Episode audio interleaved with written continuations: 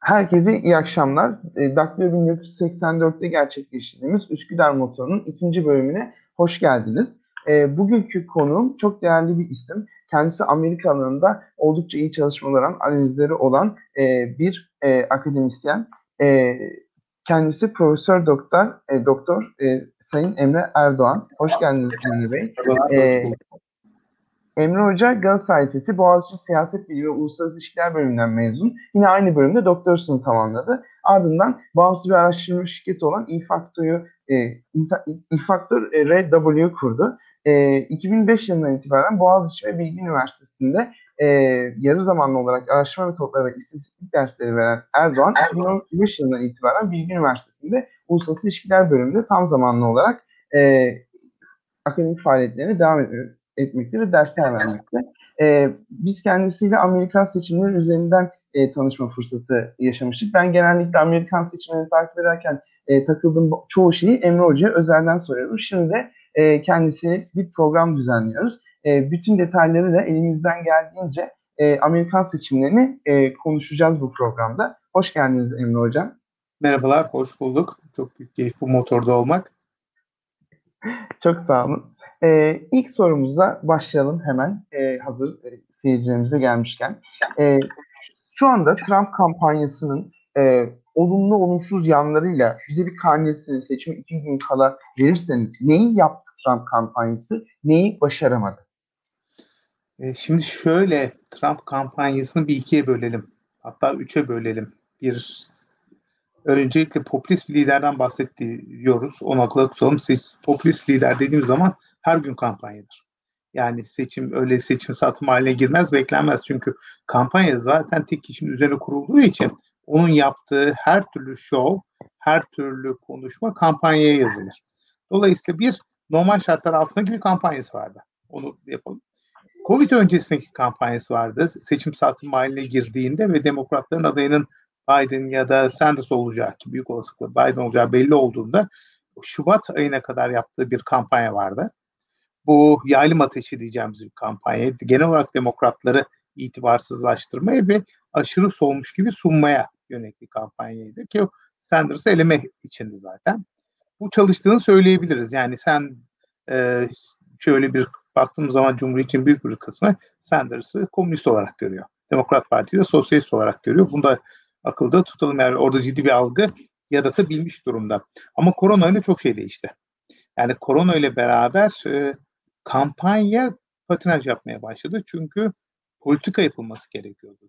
Yani gerçek anlamda önlemler alınması gerekiyordu ve hani denir ya mızrak çuvala sığacak büyüklükte değildi.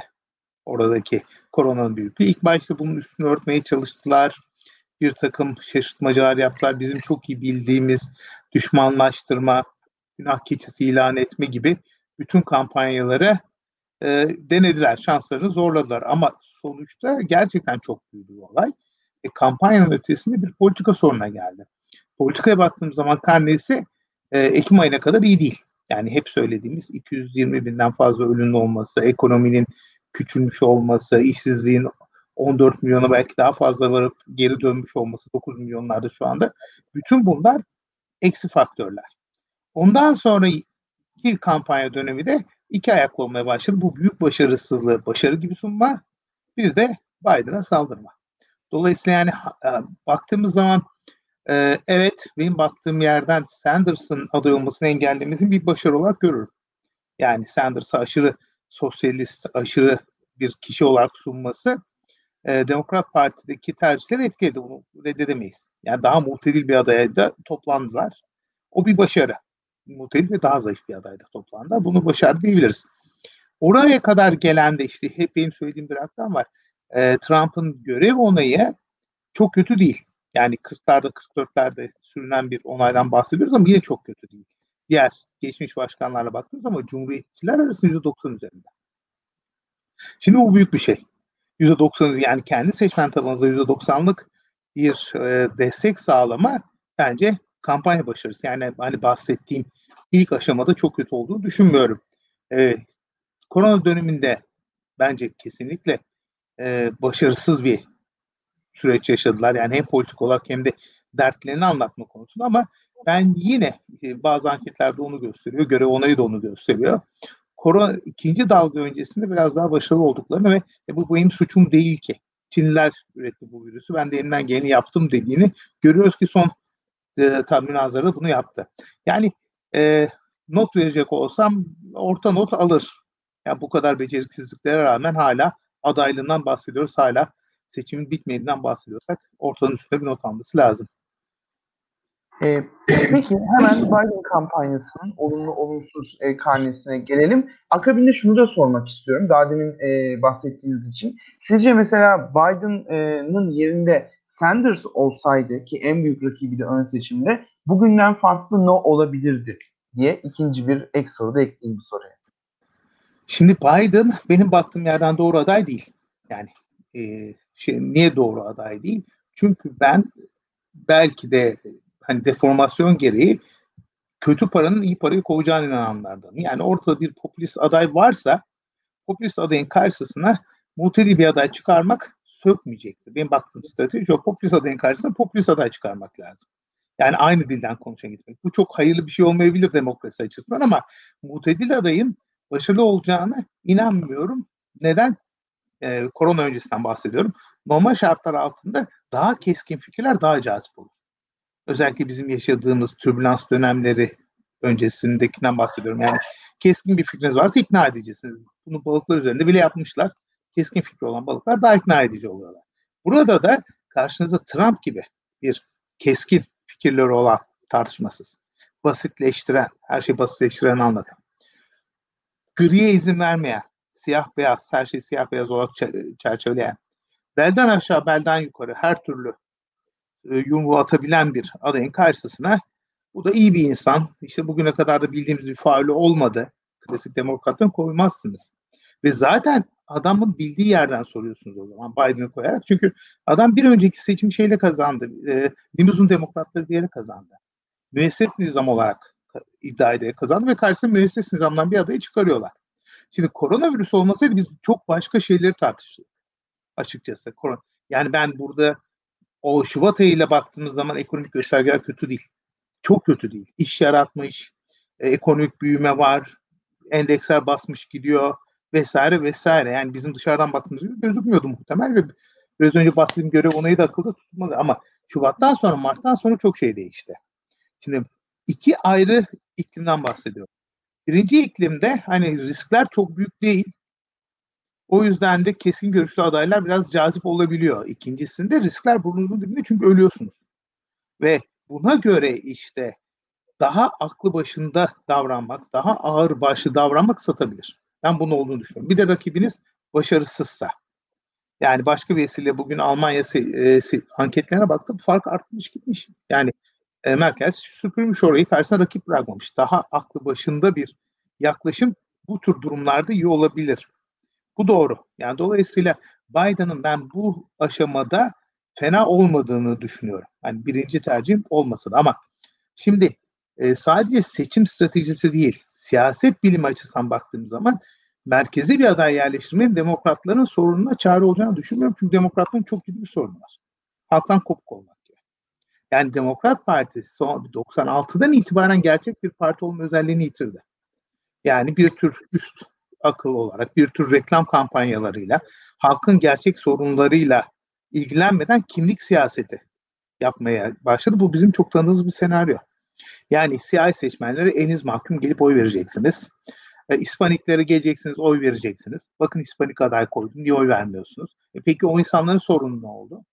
Düşünün yani Haziran ayında bile te- tepki koymamış bir partiden bahsediyoruz. Ülkenin yarısı yanarken. Ülkenin sorunları duruyor ülke yanıyor. Demokrat Parti'nin tek derdi seçim kazanmak. Ve bunu biliniyor. Yani net bir şekilde. Dolayısıyla e, Biden bunu pekiştirir. Yani Biden seçilmesi durumunda bu değişmez. Daha halka dönük bir partiye dönüşmez. Demokrat Parti'nin derdi halkın uzaklaşmış olması. O yüzden de yani kazanma olasılığının yüksek olduğunu düşünüyoruz. İyi bir aday olduğunu düşünüyoruz bu açıdan da pragmatik olarak. Ama orta vadede gerçek bir harekete dönüşecek, gerçek bir siyaset üretecek bir aday değil. Bildiğimiz gibi gelir gider muhtemelen seçilirse. Peki e, hemen akabinde şunu sormak istiyorum. E, bu seçimin değişen gündemlerinden bahsettiniz. Hem yaşanan protestolardan, hem koronadan, hem de ekonomiden bahsettiniz. E, Amerika'da e, 3 Kasım'da seçmen neyi oylayacak? Yani seçimin gündemi e, çok değişti aslında son bir senedir. E, neyi oynayacak? Covid mi etkili olacak? Ekonomi mi etkili olacak? Yoksa hala o yaz aylarında yaşanan protestolar ve Trump'ın bunu kullanmasıyla bu güvenlik belki bekar asayiş sorunları mı e, seçmenin kararını etkileyecek? Ee, şöyle diyeyim, öyle bir kutuplaşmadan bahsediyoruz ki, yani öyle bir e, karşılıklı nefretten bahsediyoruz ki önce parti tercih masada duracak. Yani kayda değer seçmen için diğer partinin adayı katlanabilir bir insan değil. Bu konuda da çok yeni, çok yazarlı bir çalışmada Science'da yayınlandı. Yani mesele bir kutuplaşma dediğimiz mesele burada da gündeme geliyor. Parti tercihinin kimliğe dönüşmesi ve kimliklerinde nefrete dönüşmesi. Birbirinden hiç haz etmeyen seçmen kitlesi var. Dolayısıyla aslında şöyle başlıyoruz. 40-40 ya da 45-45'ten açıyorsunuz anahtarı. Yani ne olursa olsun öyle bir seçim kampanyasına giriyorsunuz ki hiç kimse başka kimseye oy vermeyecek. Böyle bir şeydi. Birinci olarak zaten bu gelecek. Yani dolayısıyla burada saydığımız objektif faktörler ki ekonomidir. Bunlardan birincisi uzun vadeye baktığımızda o kimlik meselesini kırabilecek mi? Hayır. Ee, yine parti bazında değerlendirdiğimizde Cumhuriyetçilerin kayda bir kısmı ve beyaz evangeliklerin hemen hemen hepsi Trump'ı ekonomide ve başarılı buluyor. Yani hani tart ki bahsettiğim performans hatırlıyorum. E, işsizlik 30 milyona çıkmış 14 şu anda 9 milyonlarda ama öyle bakmıyorlar. Evet burada baktıkları mesela bu dışarıdan gelen bir şey. Reis de elinden geleni yaptı. Daha ne yapsın ki adam diyorlar ve tabii ki ötekisinin nefreti de var. Bu olmazsa Beyaz Saray'a LGBT'yi zenciler mi gelecek? Bu argümanları duyarsınız. Yani tartışma bu düzeyde büyük bir açıda. Komünistler mi gelsin? ülkeyi satsınlar mı? Çin'e satıyor bunlar. Yani inanılmaz argümanlar karşılıklı gidiyor ve yani çok yabancı değiliz biz o, o, o tartışmalara. Şimdi geride kalan seçmene bakalım. Yani kritik seçmene. Bunlardan biri Clinton'a oy kaybettiren siyahi seçmen. 2016 e, seçiminde Clinton ekibininki beceriksizlikleri bilinir. Beceriksiz oldukları. Nasıl olsa biz adayız. Gidip bu adama da oy vermezler nasıl olsa diye hiçbir şey yapmamaları seçimi kaybettirdiler baktığınız zaman 2012'de oy kullanmış, 2016'da oy kullanmamış seçmenlerin büyük, büyük bir kısmı siyasi seçmen oluşturuyor. Çünkü o dönemde de ben diyeyim, geldiğince anlatmaya çalıştım. Clinton siyasi seçmeni hiçbir şey vaat etmiyor. Aslında merkez demokratlar siyasi seçmeni hiçbir şey bahsetmiyor. Sadece basit bir kimlik politikası yapıyorlar. Obama siyahtı. Sen de o siyah oy vereceksin. Şimdi burada Obama'nın güvenilir insanı var. O zaman da ona oy vereceksin. Gidip bu e, ırkçıya verecek halin yok. Bu sökmedi. Şimdi bu insanlar bir kenara koyun. Kritik bir kitle. Seçmenin yüzde 10 küsürü, 13, 14 civarında bir yer olması lazım. Yani tam rakam vermek gerekirse hızla bakıp söylemeye 15-16 sanırım. 15-16 civarında bir e, seçmenden, Hispani e, şeyden, e, siyahi seçmenden bahsediyoruz. Devam edelim. Şimdi bunları ne heyecanlandırır? Bir kere bunlar sistematik olarak ayrımcılığa ve ırkçılığa maruz kalmış insanlardan bahsediyoruz. Eğitimden bağımsız bakın yani şey denebilir. Ya sen de asimile olsan kardeşim, sen de çok çalışsan, sen de başarılı olsan vesaire. Böyle bir şey denir, böyle bir şansları yok. Burada da hemen anekdot olarak anlatayım. O.J. Simpson avukatlarından biri ki sağlam kimlik siyaseti yapar. Eskiden bölge savcısıyken yanında çocuklarıyla polis durduruyor, adam yere yatırıyor. Bölge savcısı adam. Yani bir beyaz bölge savcısının bunu yapmaları mümkün değil ve olduğu yerde Los Angeles. Düşünün. Yani hani şeyden de bahsetmiyorum. Orta Batı'nın Batı'nın vahşi orta, ortamından da bahsetmiyorum. Siyahilere karşı inanılmaz bir ayrımcılık var. Adaletsizlik var. Ve bu adaletsizlik sadece e, şey adaletsizliği değil. E, bölüşümsel adaletsizlik değil ki bölüşümsel adaletsizlik de var. Yani gelire baktığımız zaman e, diğer misli bir de süreç adaletsizliği var. Adalete inanmıyor siyahi seçmen. Ve bu da bize Haziran olaylarını doğurdu. Ve Haziran olayları basit bir e, şey değil, yani ayaklam değil. Bu adaletsizliğe karşı bir öfkeydi. Şimdi ortada öfke var. Ve öfke bizim bildiğimiz gayet emin olduğumuz bir şey sandığa götürmede en iyi unsur. O zaman bu arkadaşların öfkesini ayakta tutmak iyi bir strateji olabilir. De, ama işte biraz önce bahsettiğim ikilem geliyor. O zaman merkez demokratlar ne yapacaksınız? Yani merkez demokratlar da bu arkadaşlardan çok haz etmiyor. Çünkü gerçek bir politika üretilemedi. Yani bunu daha önce de bahsetmiştik. Fraser'a referansla kullanmıştım. Yani iktidarda olan 8 yılda siyahilerin durumunu iyileştirmek için gerçek bir politika üretilmedi. Sadece şov yapıldı Obama döneminde. Yani bir takım kimlik siyaset yapıldı. Şimdi bu kritik kitle. Dolayısıyla bu arkadaşların katılımı çok önemli. Bunların bir de eğitim düzeyleri düşük siyahi seçmenlerin. Dolayısıyla işte belki birazdan konuşuruz. Uzaktan oy verme meselesinde kavga biraz oradan çıkabilir. Çünkü iptal etmek çok kolay ve hatalı oy verme oranları da çok yüksek olabilir. 2000 Florida örneğini biliyoruz. Bir, bir, bir kitle var. İkincisi Hispanikler var. Hispanikleri hep söylüyorum ikiye bölmek lazım. Bunlardan biri işte New Mexico, Nevada ve Texas vesairede olan, Los Kaliforniya'da olan Meksika kökenli Hispanikler, sınırı geçenler. Burası tamam Biden açısından. Yani buradan Trump'a oy çıkması mucize olur. Etnik site açısından bunu da biliyoruz. Ama öteki tarafta bir de Florida'da yaşayanlar var. Ee, Küba kökenliler var. Ki orada bir Castro meselesi giriyor. Burada yalan yanlış sürekli Trump kampanyası karşı tarafı Castroculukla suçladı. Yani bu tür bir oradaki sosyalist harekete karşı bir mesele var. Dolayısıyla hani e, bazı garanti eyaletlerde getirebilir. Enteresan eyaletleri kazandırabilir Arizona gibi. Yani bu mümkün. Bu çatışmanın çünkü eğilimin çok yüksek olduğu yer. Texas'ı zannetmiyorum yani o mucize olur kazandırması ama Florida'da tam tersine gidebilir. İkinci hedef kitle de bu. Yani burada da şey var. Ee, başka kimler var? Öfkeli beyazlar var. Yine bakmamız gereken Göller bölgesi ve etrafındaki biz onu Ontario kurtlarından biliriz o bölgeyi. O, bizim jenerasyon Ontario kurtlarının yaşadığı bölge var. Bunlar 2008 krizi ve sonrasındaki kötü yönetim sayesinde sanayisizleşmiş bölgelerde yaşıyorlar. Buna da pas kuşağı deniyor. Yani bu pas kuşağının öfkesi hala duruyor ve buranın e, pro-Trump olması çok çok önemli. Ve metropoller var. Hani nüfusun büyük çoğunluğun yaşadığı metropoller New York ve benzeri yerlerde. Orada da şöyle bir şey var. Hem koronavirüs çok ciddi bir tehdit altında getiriyor insanları hem de Trump'ın bu kozmopolit olmayan yerelci de demeyeyim bir tür ye, yerelci diyeyim hadi öyle demiş olayım. O tür ırkçılıkla hemen hemen konuşan ama esas kozmopolitan olana nefreti içeren söyleminden son derece rahatsızlar. Ve bu da işte dediğim gibi e, Pipanoris'in bahsetmiş olduğu kentsel kırsal ayrımını biraz tetikliyor. Metropolliklerinde hep zaten Demokrat Parti'ye sempatizandılar. Demokrat Parti oy bekliyorum. Yani profiller hemen hemen bu seçmen profilleri baktığımız zaman. E, bu aslında seçime katılım ve hangi grupların daha katılmasının kritik olduğundan bahsettiniz. E, ama ben birazcık burada uzaktan oy verme ve posta yoluyla oy vermeye bağlamak istiyorum. Bugüne kadar dok- yaklaşık 90 milyon oy e, verildi. E, bunu aşıldı. Çok 2016'da verilenin toplam oyun %65.5'i çoktan verildi.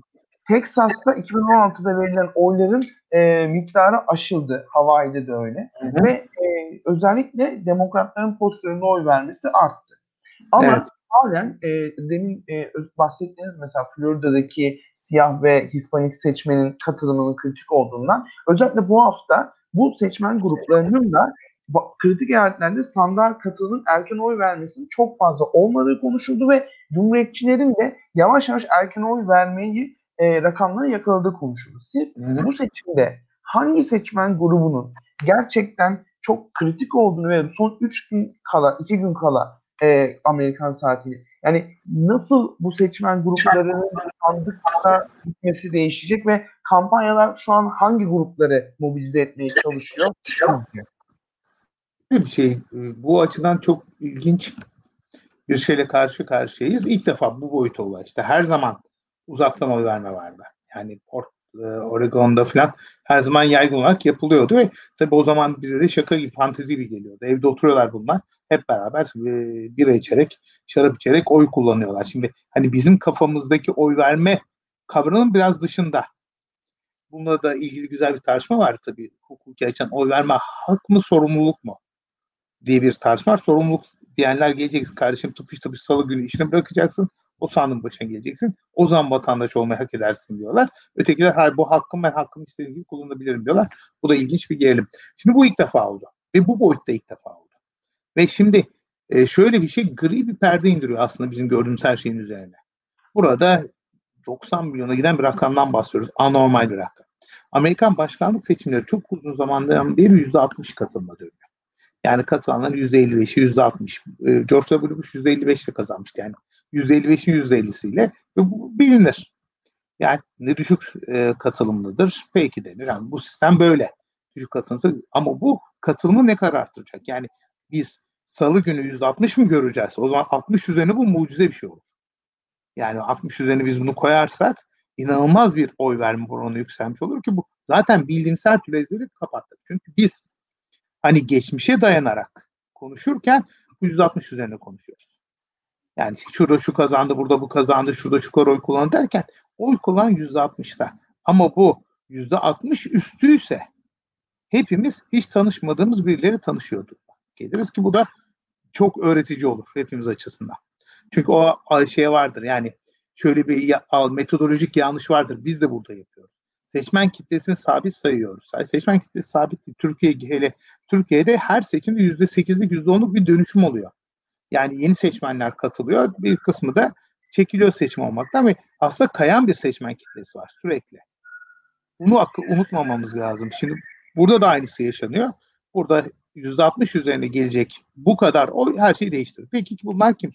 Şimdi anketlere bakılırsa ki onda zaten şüphelerim var da ço- çoğunluğu demokrat. Yani öyle düşünülüyor. Bir bir kere zaten bazı eyaletlerde o formu almak çok zor.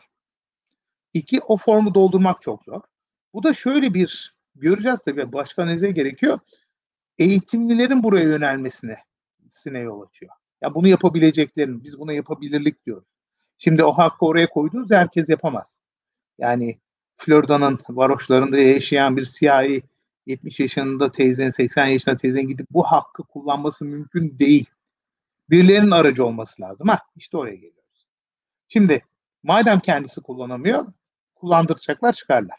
E, zaten o uzaktan oy verme konusundaki en büyük mesele de o. Yani evet alırlar, o formu doldururlar, göndertirler, gelen formu alırlar, oy kullandırtırlar ve yollarlar. Yani böyle bir sistemi demek. Peki bunu kim yapabilir? O zaman resim değişiyor. Şimdi şöyle düşünelim. Bilinmedik bir kitle var. Spekülasyon yapıyorum. Bu kitlenin içine dahil olmak eğitimli ve işte belli bir siyasi okur yazarla ve hevese sahip olmaya gerekiyor. Yani geçim derdine bakan e, Hispanik ya da siyahi bir kişinin bununla uğraşması çok mümkün değil. Bu biraz beyaz yakalı meselesi gibi. Eğer bunların tamamı beyaz yakalıysa zaten buradan bir Demokrat Parti mucizesi çıkar. Tartışmasız. Yani oy verme eğilimine gözüne tutarsın.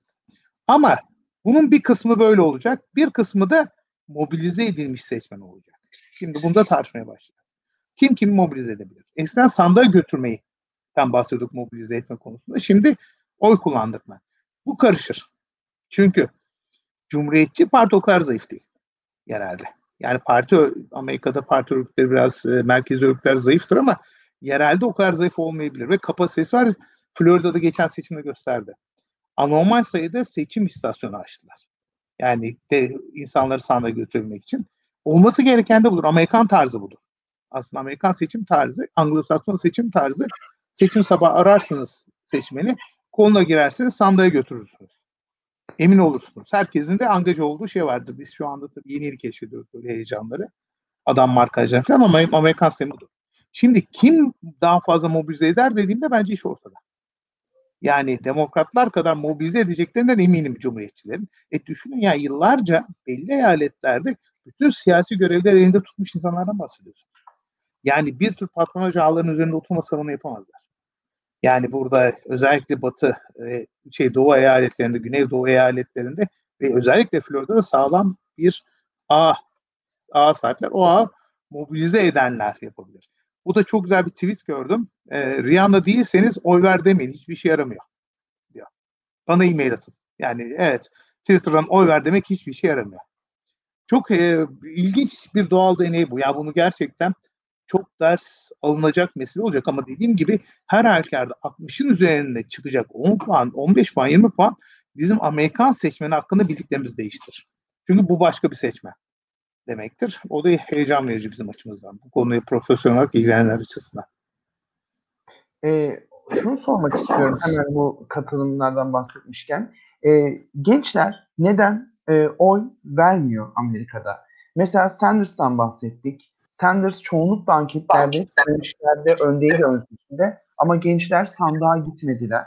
Ve genel olarak aslında birazcık tiyolar verdiniz ama seçime katılım neden düşük? Çünkü Türkiye'den bakınca bunu anlatmak çok zor oluyor. Sanki seçim her şeyin önceliği ve yüzde seksen oran olunca çok düşük dediğimiz bir şeymiş gibi anlaşılıyor. Bu iki olgu yani gençlerin neden oy vermediğini ve genel olarak Amerikalıların neden yüzde 50-60 oranlarında oy verdiği konusunda e, bir açıklama alabilirsek çok mutlu olurum.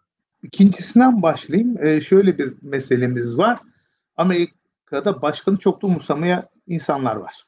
Yani başkanlık seçimi epey ki Washington'da kimin oturacağı değişiyor. Benim hayatımı etkileyecek mi? Şimdi çok büyük bir ülkeden bahsediyoruz. Kıta büyüklüğünde. Ve yerelin çok kuvvetli olduğundan bahsediyoruz. Ve bizim de bildiğimiz bir şey var. Yerelde yaşama çok arttı. Yani doğuyor, büyüyor, ölüyor aynı yer. Yani 300 kişilik, 500 kişilik, 5 bin olsa fark etmez. Kapalı bir çevrede. Bunu Putnam çok dert eder. Robert Putnam sosyal sermayenin düşmesi açısından mobilitenin azaldığını açık eder. Herkes olduğu yerde duruyor gibi bir iddiası vardır. Geçmişe nazaran, geçmişte çok çok daha hızlı. Dolayısıyla onun hayatını çok dolaylı etkiliyor. Bu zaten hani asırlardır gelen bir şey. Federal devletin ne kadar ağırlığı olacak? Roosevelt'e kadar Washington e, bataklıktaki bir kasabaydı derler. Yani Roosevelt'le beraber federal devletin çok büyük gücü var geliyor. İşte 2008 krizinden sonra şöyle bir gerçekle karşılaştık. Amerikan deneyine böyle bir şey diyebiliriz. Ülke ekonomisi baş aşağı gitti o genelde ama bazı aradan çıktı. Bazı eyaletler, bazı şirketler, bazı yerleşimler parladı. Parlayan yerler haline dönüştü. O zaman da işte başkandan bana ne diyor? Yani böyle bir yabancılaşma söz konusu. Ha ne zaman ilginç hale geliyor? İşte çok da o yüzden Trump'ı eleştirmek lazım. Şov olduğu zaman. İşte sıkıcıydı son yani debate, münazara. Yani oturduk seyrettik. E, hiçbir zevk almadık. Ama şov olduğu zaman, bir heyecan olduğu zaman insan evet biraz takip etmeye başlıyor. Yani böyle bir ilgisizliğin temel sebebi yani sebeplerinden bir tanesi ulus, bu tür bir politikanın insanların hayatındaki etkisinin algılanmıyor olması. Şimdi biz üniter devlet olduğumuz için ve her şey Ankara'nın emriyle gerçekleştiği için biz bunu anlamakta zorlanıyoruz. Yani bizim hayatımızı Ankara belirliyor. Ama Washington DC yani evet güzel bir yer, müzeleri var, bedava gidilir, gezilir şeklinde. Bir hatta ulusal birliğin temsili gibi bir yer orası. Hani politika açısından birinci yabancılaşma bu. İkincisi dışlanmış seçmenler var, haksızlık olur. Yani her şey güllük gülistanlık, herkese oy hakkı yok verilmiyor. Yani Florida'da mesela e, yakın zamana kadar bir kere bile seçime e, hapse girmiş insanlar oy kullanamıyor haldeler. Hapistekiler oy kullanamıyor ki onların büyük bir kısmı siyahi. E, yani bir sermayedir bu. Sermaye diyelim, yapabilirlik diyelim, oy kullanma hakkı orada var diye kimse kullanmaz. Dışlananlar da var sistematik olarak.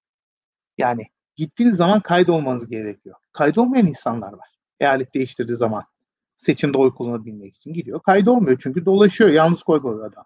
Çünkü tutunamıyor. Tutunacağı yer yok. Dolayısıyla sistematik olarak kayırıyorsunuz. Bir de çok amşamda bir siyasi sistem yok. Bunu bir kenara bırakalım. Yani tamamen bu yabancılaşmanın sonucunda başkanlık sisteminde ve çok uzun zamandır böyle. Yani e, şöyle diyeyim, oy verme hakkının genişletildiği ilk güne itibaren böyle.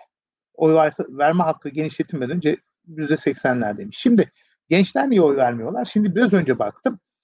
Bütün dünyada genç devrinden bahsediyoruz. Nesil ikamesinden. Yani yeni nesillerin farklı tercihleri olduğundan. Ve işte hep gördüğümüz gibi İngiltere'de, Fransa'da ve seçimleri de yapılırsa yapılsın gençlerle yaşlar arasında oy farkı var. Şimdi biraz önce baktım. Yüzde on üç. Yani e, Cumhuriyet Demokratlar 19 puanda. E, pardon Demokratların yüzde on dokuzu genç, Cumhuriyetçilerin yüzde on üç. Şimdi siz Obama gibi bir süperstar başkanın yönetiminde 8 yıl geçiriyorsunuz. Yani genç dostu politikalar işte internetin hızlanması vesaire vesaire bütün bu konularda ön sıradasınız. Haksızlık yapmayalım. Ama aradaki fark 6 puan. Yani karşınızda da dünyanın en gerici kafalı insanları olabiliyor. Gençleri niye? E çünkü öyle bir sistem var ki gençlerin önünü kapatıyor.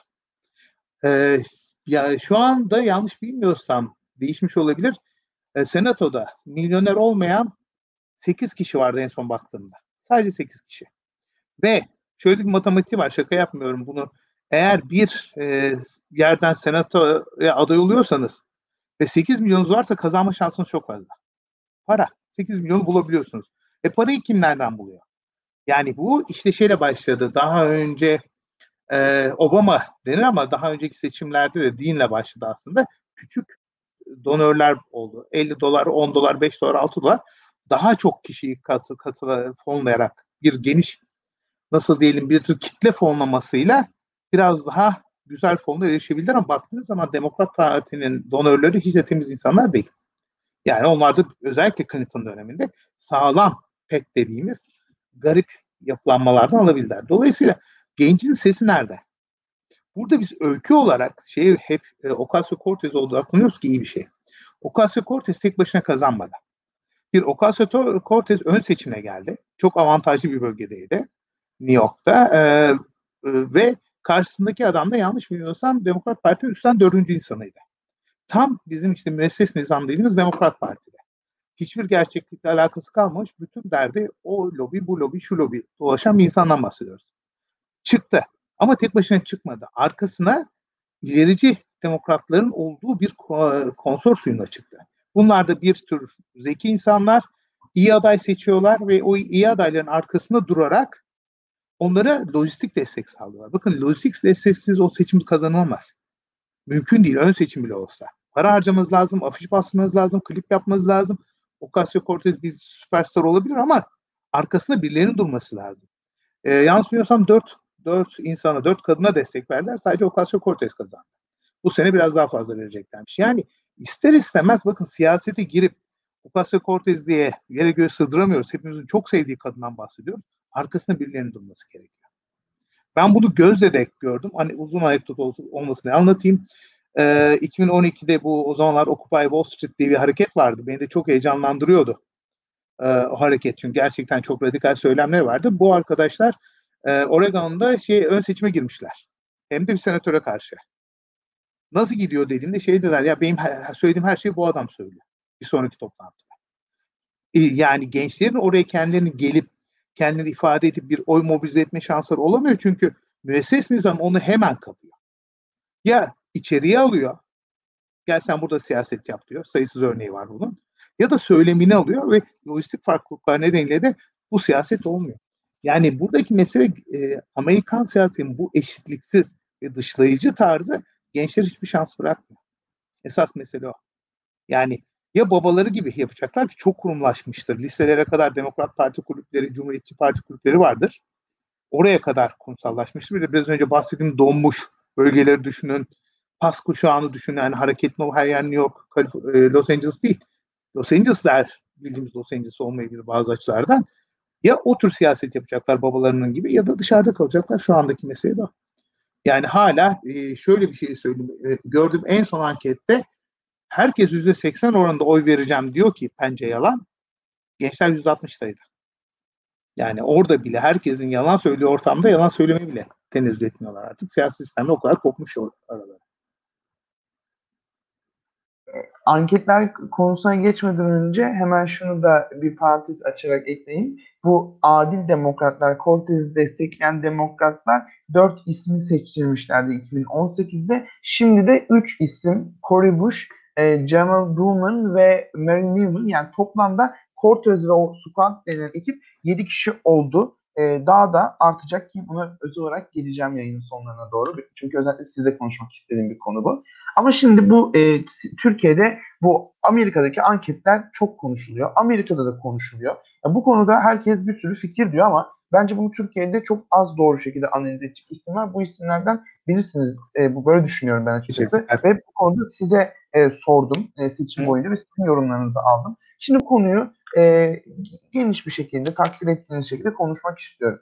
Anketler hı hı. 2016'da yanıldı mı? Çünkü bazı isimler Amerika'da yanılmadı diyorlar. Yanıldıysa neden yanıldı? Ve şu anda siz anketlere yayından önce de baktım dediniz. Hı. Hani anketlere e, bakarken ne görüyorsunuz?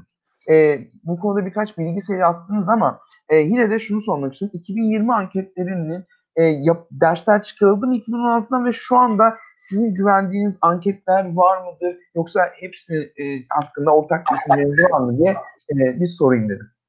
Şimdi şöyle diyeyim yani anketlerle ilgili 2016'yı bir iyi anlamak lazım. 2016'da e, Clinton oyların çoğunluğunu aldı.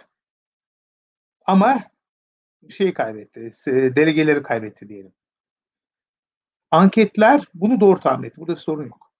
Yani artı 4 puan gibi bir şeyi 3-4 puan arasında bir şey vardı. Onu doğru kaydetti. Test etti. Orada bir sorun yok. Ee, neyi yanlış yaptılar? Eyalet bazındaki tahminler yanlış oldu. Şimdi şöyle bir şey düşünün. İstatistik kuralıdır. Amerika Birleşik Devletleri kadar büyük bile olsa düzgün bir örneklemle düzgün bir örneklemle iyi kötü doğru tahmin edersiniz. Ve bu da çok amşan bir şey değil. Meraklısı arkadaşlar girip bakabilir. 1000 2000'dir yani bu 10 bin, 100 bin, 50 bin yani değil. 2000 kişiyle Amerikan seçimlerinin bu halk oyunu doğru temsil e, te, temsil edersiniz. Onun bir sorun yok. Birinci şey bu. Eyaletlerde yanılırlar. Çünkü işte Amerika'yı da istatistik olarak 2000 kişiyle temsil edersiniz. Küçücük eyaleti de Maine'e de 2000 kişiye ihtiyacınız var. Dolayısıyla bu çaba harcanmadı 2016'da. Noktalarda çok az anket yapıldı. Yani kritik noktalarda. Ve sağlıklı anket yapılmadı. Düzgün anket yapılmadı. Düzgün anket ne demek? Bütün süreçlerini bildiğiniz, kalite kontrollerini yaptınız. Bu da bir zanaat sonunda. Zana, iyi zanaatkarlar orada değildi. Bu birinci sebep. Yani eyaletleri yanlış tahmin ettiler. Ya o kadar yanlış tahmin ettiler ki yani Florida'da akşam 9'da seçim akşamı Türkiye saati 9'da orada Washington saati herhalde 2 civarında hala Florida'nın kazanması 1'e 10 veriyordu. Yani Clinton kazanması. O kadar yanlış ölçüm vardı piyasada. Kesin diyorlardı. Bunu yapanlar çünkü çok az sayıda kalitesiz işe dayandılar, örneğe dayandılar. Bu birinci sebep. İkinci sebep bugün işte ben bir tweet e, bir şeyler yazdım. Kimin oyuna bakacağız? Çünkü Amerika Birleşik Devletleri'nde bizim gibi yüzde yüz, yüz anket yapılamıyor artık. Yasak neredeyse. Yani olanaksız. Kimse girmiyor. Çok pahalı. Telefon anketi yapıyorlar. Ya da internet anketi yapıyorlar. İnternet anketini kenara bırak. Telefon anketinde de iki yöntemleri var. Ya telefonla konuşuyorsunuz karşınıza bir insan çıkıyor bizim gibi ya da robot çıkıyor. Bunu aklınızda tutun. Şimdi şöyle bir şey düşünün. Evde oturuyorsunuz. Tam böyle Amerikan seçimlerinin heyecanla kaptırıyorsunuz kendinizi. Zır telefon açılıyor. Bir robocall. Var ya bizim karşılaştığımız call center'larda bankaların aynısından bir ses. Kime oy vereceksiniz? Ben sana niye söyleyeyim? Anlatabiliyor muyum? Atıyor bir şey. Neyi atıyor işte tamam mı? Başım biz buna sosyal arzu edilebilirlik fenomeni diyoruz. Bildiğiniz hikaye. Karşısındakini kızdırmayacak, ayıp olmayacak, saçmalama dedirtmeyecek bir şey atıyor. Bu iki şey geliyor. Bir, oy kullanacağının, o kullanacağını söyleyenlerin sayısı normalden daha yüksek gözüküyor. Çünkü ayıp ya, oy kullanmıyorum demeyeyim diyor. İki, yanıt verme oranları etnisiteye göre değişiyor. Siyahiler ya da düşük eğitimler ya da Hispanikler buna daha az yanıt veriyorlar. Kopkay'da örnekler. İkincisi bu yüzde konuşma yani karşıda insan olması fena değil. O biraz daha etkili. Yine aynı sorunla karşı karşıyayız. Çok uzaktan bir temastan bahsediyoruz. Yani ilişki, insan ilişkinin olmadığı yerde tanımadığınız birisine yanıt verir misiniz? Burada gelen yanlış yanıtlar, çarpıtılmış yanıtlar ki ben bunu hep şöyle anlatıyorum. Benim datasına baktım, girip baktım yüzde seksen evet var gidip oy kullanacağım diyor. E %80 oy kullanacağım derken %60 kullanmış en az %20 yalancı. Yani 20 puan yalancıdan bahsediyoruz. Çünkü gidip oy kullanmamış. Bir de tam tersi oy kullanmayacağım deyip kullananlar varsa daha da büyüdü. Şimdi bir örneklemin %40'ını size yalan söylediğini düşünüyorsanız buradan tahmin yapılmaz. Ama bütün tahminler seçmen oy verme eğilimi olan insanlar üzerinden yapılıyor. Ama bunların bir kısmı yalancı. İki kere yalan söylüyor. Oy kullanma konusunda yalan söylüyor, tercihte yalan söylüyor. Buna biz aşırı temsil deriz. Aşırı temsil sorunu deriz. Dolayısıyla bu aşırı temsil sorunu bilinir. Şimdi bu 2016'daki sorundu. 2020'de herkes bunun farkında. Hani ben biliyorsam onlar da biliyorlar. Bu artık ortak bilgi. Ne yaptılar? Bir, noktalarda kaliteli anket sayısı çok arttı. Daha fazla para harcayıp yani o kritik eyaletlerde daha fazla anket yapıyorlar. Bu bir. İkincisi bu yöntemsel sorunları biliyorlar. Herkes benim gibi e, robotlara kötü bakıyor. Ama bu sabah ben bir şey e, okudum ki e, bu tüyler ürperticiydi. E, yaptıkları işlemler. Şimdi biz bunu Türkiye'de yapmaya çalıştığımız zaman artık şeylerimiz yok ya. Sarı defterlerimiz, rehberlerimiz. Eskiden oradan örneklem çekiyorduk. Ee, şimdi o yok. Ee, rastsal numara çeviriyoruz. Rastsal numara çevirmek ne demek? İşte İstanbul'u arayacaksam 212'yi sabitliyorum. Geri kalan 9'u 8'i bilgisayar üretiyorum. Bilgisayar üretiyor, şeye veriyor. Telefon anket yaptan bahsediyorum. Operatöre veriyor, operatör de anket yapıyor. Tabii bu, bu korkunç bir işlem. Çünkü bir Türkiye'de sabit numara bitti. Sabit numara diye bir şey yok. Ee, ikincisi boş dönüyor sürekli.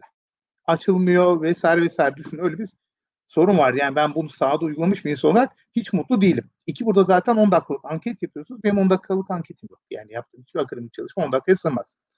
Böyle bir durumda Amerika'da da aynısı. Bir, rastsal arayanlar var. Güzel. Bir de listeler var ki benim tüylerimi ürperten o. Liste ne? Birilerinin elinde liste varmış. Tabi Amerika'da seçmen listelerin açık olduğunu biliyorum. Ama listeden arama yapıyorlarmış. Şimdi o listeyi kim yaptı? O liste ne kadar güncel? Kim içeride, kim dışarıda? Şimdi bu korkunç bir durum. Listeler bizden çok sıkı yasaklar olduğundan bu listeler mümkün değil. Ama Amerika'da seçmen listesi, banka kredisi listesi, tuvalet kağıdı alışverişi listesi vesaire vesaire bir araya getirip buna mikro veri diyorlar. Mikro veri üzerinden zaten kampanya yapıyorsun. Bunu satan şirketler var. Demek bu satan şirketlerden bunlar alınmış. Güzel. Ne kadar güncel? Dediğim gibi hareketlilik var. Adam gidiyor başka yere taşınıyor vesaire vesaire. Diğeri de rastsal arıyor. Şimdi benim okuduğum yazı diyor ki ikincisi daha iyidir çünkü şöyle bir şey var. Siz anketi yaptığınız zaman örneklem kayar. Yani nüfusta yüzde 50 kadın varken yüzde siz 40 e, kadın bulursunuz. Ya da işte Hispanik diyeyim yüzde 20 civarındaysa yüzde 15 bulursunuz kayar. Şimdi bu tür demografik kaymaları engellemek için bizim ağırlıklandırma dediğiniz bir şey var. Yani kadınları 1.25'e çarparız, erkekleri de böleriz. Ya çok karıştırmıyorum, dengeleriz. Herhangi birisinin aşırı temsil edilmesini engelleriz. Şimdi herkes ağırlıklandırma yapıyormuş onu öğrendim. Ama diyor ki yazar bakın bu rastsal arayanlar sadece bir iki parametreden ağırlık yaparken ötekiler bütün parametreye bakarak ağırlık yapabiliyorlarmış. Yani yaşı, cinsiyeti, geliri, e, batık olup olmadığı, eğitim düzeyi, bütün o bilgiler var ya onun üzerinden ağırlık veriyorlarmış. Ve hani şunu söyleyeyim ağırlık dediğiniz şey bir ve iki değişkenle yaşar bu kadar çok değişkenle batar. Ve basit bir şey hani onda sabah onu söyledim. Adamların yaptığı yöntem kasaplı. Ya bu kadar çok ağırlığı veremezsiniz. Matematiksel olarak zorlanıyor iş. Hani çok detayına girmeyeyim. Bir iki ağırlık o da kerren ya verilir. Yani çok bozmazsınız veriyi. Ama şunu düşünün. Bir kişi giriyor, bir kişiyle görüşme yapıyor, 0.25 çıkıyor. Bir kişiyle görüşüyor, 1.75 çıkıyor. Gözünüzde canlanabiliyor mu? Ve bunların görüşleri son kısımdaki bakılıyor. İlk kısma bakılmıyor. İkimiz konuşuyoruz. Benim görüşümün ağırlığı 0.50, seninki 1.5. İkimizi topluyoruz. Amerika halkı bunu düşünüyor. Amerika halkı onu falan düşünmüyor. Siz kopardınız olayı. Yani bu e, korkunç bir pratik. Ve hani e, iyi kötü ben de biraz o gelenekle kendimi ilişkilendiririm. Amerika Birleşik Devletleri'ndeki o iyi anket yapma geleneğiyle. 1950'lerden 60'lardan gelen büyük isimlerin yaptığı hani o geleneğin biraz kenarındayım diye kendimi hayal ederim. O gelenekle alakası yok bu işin. Ya bunu kimse yapmaz. Yani e, e, bu kadar kötü pratiğin Türkiye'de bile olduğundan emin değilim diyeyim de gözünüze canlansın. Ve bu sıkıntılı bir şey. Yani anketler benim için şu anda hani metodunu açan, çok açan, çok okuduğum, yemin olduğum anketlerden bile şüpheliyim. Çünkü arkada ne işlem yaptığını bilmiyorum. Arkada kaçla çarptığını bilmiyorum. Neyle neyi çarpıyor, neyle yapıyor. Çok uzun meseledir ama dediğim gibi yani ben şu anda Amerika'dan gelen anketlere güvenimi tamamen kesmiş durumda seçim tahmini konusunda. Çok teşekkür ederiz. Çok güzel detay oldu ama bence. Yok bence Türkiye'de bunların konuşulması lazımdı ki en detaylı burada konuşuldu. O yüzden ben de teşekkür ederim. Ee, bu seçim sonuçlarını sizce ne zaman öğreneceğiz? Ve şunu merak ediyorum. Ee, Profesör Doktor Emre Erdoğan e, sabah 4 e, Kasım 3-4 gibi ilk hangi eyaleti açacak ve e, ah, buraya bakmam lazım e, ki öngörebileyim diyecek. Şimdi bu şey olmasaydı hayatımız kolaydı. Ee, uzaktan oy kullanma meselesi olmasaydı e, hayatımız kolaydı ve bir de şöyle bir şey öğrendim galiba sen paylaştın. Bazı eyaletler 3 Kasım'dan önce açmayı reddediyor. Evet, Yani birikiyor. Evet, ki Pennsylvania kritiklerden bir tanesi. Şimdi e, hele bahsedilen 90 milyon korkunç rakamdan bahsettik. Yani şimdi eskiden hayatımız çok basitti. 60 yani bakıyorduk işte 160 oy kullanma oranı var ve bizde çok yaygın olmayan sandık çıkış anketleri olur. Ve sandık çıkış anketlerini iyi yaparlar. Ya biz de Türkiye'de bir defa denedik ve biz de çok kötü yapmadık. Şu anda çok zor olur herhalde yapmak ama sandığın başına anketörü yollarsınız. Biz de Türkiye'de kim oy verdiniz der. Fena bir yanıt alırsınız eski güzel günlerde. Hani insanların biraz daha fazla güvendiği günlerde. Şimdi Amerika Birleşik Devletleri'nde oy kullanmış seçmene kim oy verdiğini soruyorlar. Şimdi sandık çıkış anketleri biz zaten hani onun bir söylenme zamanı vardır. Onu duyduğumuz anda biz iyi kötü fikir sahibi olurduk kritik eyaletlerde. Çünkü çok zor bir iş değildir. İnsanların gözünü korkutmasın. Ya nasıl çok Türkiye'de bir 300 sandık 300 sandık kapısına bekleseniz olur. Bunu öğrenebilirsiniz. Hiçbir sorun yok. Bu yani istatistik buna izin veriyor. Şimdi ama seçim oy kullanacaklar. Oylar biz çoğu elektronik zaten anında sayılıyor. Şeyde ondan sonra bir de dışarıdan gelenler var. Bir de dışarıdan gelenler saymaya başlayacaklar ve ben işte e, nasıl sayıldığı hakkında da fikrim var. Emekli teyzeler ya da o tür şeyler para karşılığı oradaki oyları teker teker sayılıyor. Onlar ne zaman bitirirse. Eyaletten eyalete de farklar var. Dolayısıyla soru şu. Dediğim gibi eğer bu kadar büyük 90 milyon rakam varsa bu iş %60'da bitmez. Yani çünkü bunların bir kısmı zaten gelip oy kullanacaklardı. Biz daha düşük bir katılım görürüz. Yani %50 civarında bir katılım görmemiz. Fiziksel olarak oy kullanan. Bunların sonuçlarından ne ders çıkartabiliriz? Şimdi kritik eyaletler meselesi var. Hani orada da ben takipçilere e, çok güzel bir yer var. E, 538 dediğimiz bizim Nest Silver'ın çok keyifli bir yeri var. Nest Silver orada çok güzel bir harita hazırlıyor. O haritada hangi eyaletleri kime yazdığına bakıyor. Şimdi ben e, şeye Biden'a yazdığı eyaletleri okuyayım tersten. E, Georgia'nın 16 e, şeyi var, seçmeni var, seçicisi var. Bunu Biden'a yazmış. Aradaki puan farkı 0.9. Neredeyse aynı. Florida 29, North Carolina, Arizona, e, Pennsylvania, Nevada, Wisconsin, Michigan diye gidiyor. Hani neye bakarız? Açıkçası bir e, Trump açısından ben Ohio'ya bakarım. Şu anda Nate Silver'ın sayfasında ikisi denk görüyor ama Ohio çok kritik. 18 oyu var. O kritik getirebilir. E, Florida mutlaka. Florida'ya bakmakta fayda var. 29 var. Orada kafa kafayalar. Anketlerde bile kafa kafaya çıkıyorlar. Ee, Arizona'nın 11 var ki o sürprizdir. Dediğim gibi Arizona çok uzun zamandır e, cumhuriyetçi bir eyalettir. Ama şimdi döndüğüne dair bir iddia var. Göreceğiz. E, ve Pennsylvania tabii ki en önemlilerden bir tanesi. Bu tür şeylere bakarım. Yani diğerleri hemen hemen garantili. Yani çok büyük sürpriz olur. Şeyi söyleyeyim yani e, 2016'da sabah işte gece bir saate kadar yayındaydık. Sonra eve geldim yaptım. Sabah kalktım. İlk verdiğim reaksiyon aa yok daha neler Pennsylvania'ya mı vermiş? Yani Pennsylvania kaybedilmez gözüküyordu. Yani o kadar hayal gücün dışında. Yani Florida dön gider gelir. Ohio gider gelir. Bunları biliriz. Ama Pennsylvania ne? Yani, yani gerçekten demokratların Pennsylvania'yı kaybettiği bir dünya çok şaşırtıcı gelmişti. Kritik eyaletler yine bunlar. Yani aynısını söyleyeyim. Arizona'yı kaybediyorsanız demek lazım. Hani bu kadar e, ırkçı bir söylemle, bu kadar ayrımcı bir söylemle Arizona'yı da kaybediyorsanız yani yapılacak bir şey yok denebilir. Hele Texas'ın kaybedilmesini düşünemiyorum. Yani Texas ve Arizona giderse seçim gitmiş gibi gözüküyor bence. Çok büyük sürpriz. Ya burası geleneksel şeylerdir. Yani geleneksel cumhuriyetçiler ve biraz önce bahsettiğim bir kısım vardı yani kim ben oy verdi kim vermedi bilmiyoruz. Burada muhtemelen cumhuriyetçiler gidip yüz yüze oy vereceklerdir. Bizzat oy kullanacaklar. Dolayısıyla hani o gün ilk sandıklar çıktığında burada da gerideyse dışarıdan gelme oylarla toparlaması çok zor. Trump. Çok sağ olun. Ee, şimdi özellikle son günlerde konuştuğumuz bir ihtimale gelmek istiyorum. Eğer seçim mahkemede biterse, bu sonuçlar mahkemeye, yargıya taşınırsa ki bu taşındı bile aslında çoğu eyalette e, Teksas'ta 100 bin oyun geçersiz sayılmasına dair bir dava var. Evet. Şey, postal oyların ne zaman kabul edeceğine dair bir dava var ve bunlar artacak gibi gözüküyor özellikle Cumhuriyetçilerin çabaları nedeniyle. Bu süreçte e, Trump'ın nasıl davranacağını oy görüyorsunuz ki popülist bir lider olarak tanımlamıştınız. Bu bir popülist lider sizce e, bir aylık bir seçim sürecinde e, ne yapar ve bunun etkileri ne olur? Biden nasıl cevap verir? Şimdi şöyle söyleyeyim, tersen başlayayım. Ee, Anayasa Mahkemesi'nin kararına itiraz etmek gibi olasılık yok. Yani Anayasa Mahkemesi ki şu anda onu belki konuşuruz muhafazakar çoğunluğu var. Muhafazakar diye bilinen bir çoğunluğu var. Onlardan ne çıkarsa onu paşa paşa kabul eder. E, nereye gidecekse yanlış bilmiyorsam bir otel yaptırdı yakın ve orada da yaşamaya devam eder canı isterse.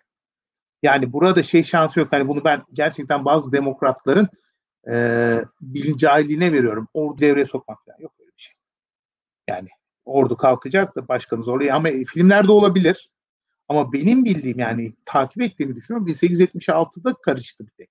O da çok istisnai bir durumdur yani karışması ordunun. Ne yapıyorsunuz diye. Dolayısıyla eninde sonunda seçim sonucu saygı gösterecekler.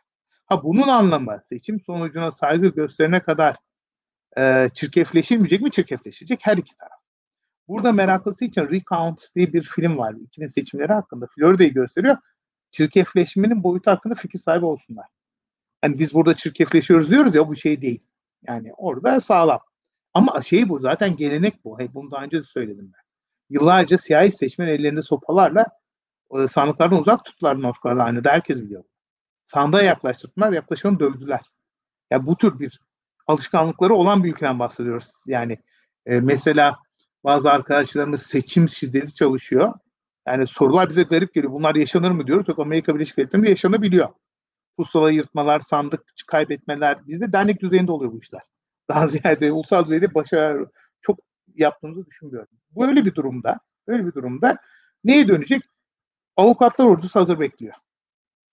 Her noktada. Bütün kritik noktalarda ve her noktada itiraz edecekler. Her noktada. Bir oy için, iki oy için recount, recount yeniden sayalım. Çünkü şöyle bir mesele var. Hani hep aynısı. 2000'deki öykü çok değişmedi. Demokratları daha fazla iptal ettiriyorlar. Yani iptali yeniden saymaya girdiği zaman demokratlarınki daha çok fazla iptal ediliyor. Hatalı oy kullanma meselesi yüzünden.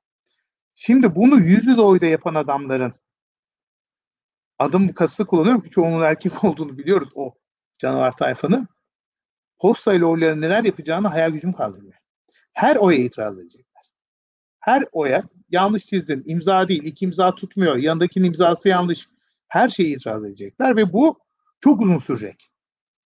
Yani ne zaman aslında şöyle bir şey, biz 2021'in ocağında yemin eden başkanı görürüz. Yani onu yetişir. Çünkü eninde sonunda bir sistem var. Yani Algor meselesinde oydu. Algor gidebilirdi. Devam edebilirdi inatlaşmaya. Kenara çek. Yani uzatma bu işi çünkü sistem zedeleniyor bütün bu tartışmalarda. Ama ben e, şenlikli bir itiraz dönemi bekliyorum. İşleri bu çünkü. Yani seçim avukatları var. Bizde seçim avukatları var mı bilmiyorum. Yani hukukçularımız var bizim. Seçim hukuku da alır ama seçim avukatı dediğimiz hani 5 eyalet, 7-8 e, şehir kasaba dolaşıp dilekçe hazırlayan insanlarımız benim bildiğim yok. Bunlar profesyonel seçim avukatı. Merkez yani işte bu. Zaten yani şey hani bahsettiğimiz şöyle bir şey. Hep seçimler şenlik olsun diyoruz. Hani hep beraber demokrasi şenliği olsun diyoruz. Ne kadar güzel seçim yaptık diyoruz ama hani aynen sabah kullandığım örnek gibi ya bir de sosisin yapılma biçimi var arkada. Yani ikili seçimlere bakmak lazım. Nasıl baskı vardı? Yani inanılmaz bir baskı vardı. Şimdi seçimler çok detaya girmeyeyim. Sen benden çok daha iyi biliyorsun. Seçimleri eyaletlerin sekreterleri diyeyim yönetirler. Ve bunlar da seçimle gelir. Ve bunlar partizandır. Bunlar partizan oldukları için de kendi partileri lehine her türlü pisliği yaparlar. Çünkü siyasi kariyeri var. Siyasi kariyer peşinde. Yarın vali olacak belki. Yarın e, başsavcı olacak eyalette ya da belki senatörlüğü oynayacak. O partide yürümek istiyorsa her türlü pislik bunlardan gelir. Dolayısıyla orada da büyük bir şey bekleyeceğiz. Yani ilginç tabii düşündüğüm zaman bu kadar denge denetlemeye önem veren bir kurumda neden sekreterlere bu güç verildiği de ilginç bir şey. Yani partili sekreterler bu kadar güç verildi. Teknik olarak hani seçmen seçiyor ama partide. Yani fark etmiyor. Hocam madem sizi buldum ben birazcık detaylı bir soru sormak istiyorum. Çünkü açtınız bunu sözde. Amerika'da iki dereceli bir sistem var. E, seyircilerimiz için bunu diyorum. Bu seçiciler kurulu oy veriyor. Ama bu seçimler kurulunun nasıl e, seçileceğine eyaletler karar veriyor. Evet. Ortak bir federal yasa ve anayasa yok. 2000 yılında Florida'da e, Bush e, ve Al Gore'un yeniden sayım sürecine ve oradaki 538 oyun e, tayin edilmesinde yargı kararı çok erken verilmedi ve bu sırada Cumhuriyetçiler eyalet meclisinde yönetimindeyken şöyle bir girişimde bulundular. E, bu halk oyundan bağımsız olarak bu seçicileri doğrudan bir yasayla biz temsilciler olarak yani oydaki yerel idari organlar olarak atayalım dediler. Bu son iki haftadır okuduğum kadarıyla Trump kampanyası bu ihtimali çok ciddi bir şekilde e, konuşuyor en azından. Yapar mı yapmaz mı bilmiyoruz ama özellikle bu Michigan'da, e, Pennsylvania'da, Wisconsin'da, Florida'da federe meclislerde cumhuriyetçiler var. Ama bu Michigan, Wisconsin ve Pennsylvania'da demokrat valiler var. Şimdi bu e, seçimin aslında e, mesela Donald Trump'ın e, fiziki oylar ve o gece sayılan posta oylardan sonra çıkan sonuç bu sonuçtur değil. Bir hafta o eklenen posta yolu oyları beklemeyip bir zafer ilan etmesiyle bu bahsettiğimiz mekanizmaların muğlaklığı ve aslında temel bir sistem olmaması bu seçiciler kurulunun seçimiyle ilgili Amerika'da. Yani sizce ne kadar karışabilir? Yani bunlar konuşması zevkli House of Cards senaryoları mı? Ee, yoksa ciddi ihtimaller mi? Siz bir siyaset bilimci olarak e, buna nasıl bakıyorsunuz? Biz çok mu seviyoruz bu tür e, teorileri konuşmayı yoksa gerçekten böyle bir ihtimal var mı sizin e, baktığınız yerde? Şimdi şöyle bir şey, hep aynısını söylüyorum. Burası bir federal devlet. Ve biz burada tercüme yaparken tercüme hatasına düşünüyoruz. Karşımızdakiler eyalet değil. Karşımızdakiler devlet. Hatta en az iki tanesinin ismi Cumhuriyet. Açıkça Cumhuriyet diyorlar kendilerine. Bunlar şöyle bir şey yani uluslararası ilişkiler çalışanlar bunu çok iyi canlanacaklar. Bağımsızken kendi bağımsızlıklarından vazgeçmiş olan devletler. İlk 13 devletten bahsediyoruz. Kurucu devletlerden. Ve bunu da çok basit yapmamışlar. Bakın 1786'dan e, 1830'lara kadar itiş kakış var orada. Nasıl yapılacağı konusunda. Bu vazgeçme ne kadarından vazgeçelim. Ve iç savaş dediğimiz şey ayrılma hakkından çıktı. Adamlar dediler ki biz ayrılabiliriz. Madem geldik gidiyoruz hadi. Yok öyle olmuyor. Ki o yüzden mesela ismi konfederasyondur. Çünkü konfederasyondan ayrılmak daha kolaydır. Federasyondan biraz daha zor ama bunlar üniter devlet değil. Yani bu Antalya'nın alıp yürümesi gibi şeyden de bunlar geldim gidiyorum diyebilirler. Kan dökmeyi göz alırlar. Ki daha önce dönelim. Şimdi bu federal devlet. Federal devlet demek ki yerelin güçlü olduğu devlet. Yani biz şimdi burada Amerikan demokrasisini işte kendi demokrasimiz gibi bir işte başkan var, bir de meclis var, bakanlar kurulu var, şu şu an görüyoruz ama her eyalette meclis var. Her eyalette senato var. Her eyalette vali ki yanlış kelime. Hani başkan bir tür junior başkan var o da küçük boyda. E şey var her mahkeme her eyaletin üst mahkemesi var. Bütün bunlar bir arada var olan bir denge denetleme mekanizması yapılıyor ve burada da çok sayıda kamu görevlisi doğrudan seçimle geliyor. Ya şerifler en alttan başlayayım.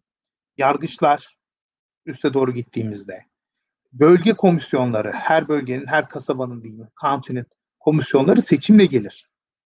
Yani bizim gibi mesela Milliyetin Bakanlığı yönetmez okullarını seçtikleri insanlar yönetirler. Ve temsilciler meclisi de vardır kendi bölgelerinde. Onu da seçerler. Sonra Washington'a da yollayacakları insanları seçerler. Senatörler orada tanrı yarısı. Yani hani böyle seyahat senatör deyip geçecek insanlar değil. Herhalde iki tane var ve bütün bu mekanizmanın içerisinden geliyor. Yani Obama senatör olmadan önce eyalet senatörüydü ve onun için çok büyük bir şeydi. Yani büyük Barack Obama'dan bahsediyoruz. Hani Obama'nın öyle valilikten falan yolu geçmedi. Eyalet senatörüydü.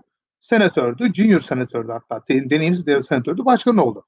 Bu hep söylendi deneyimsiz oldu iddia edildi.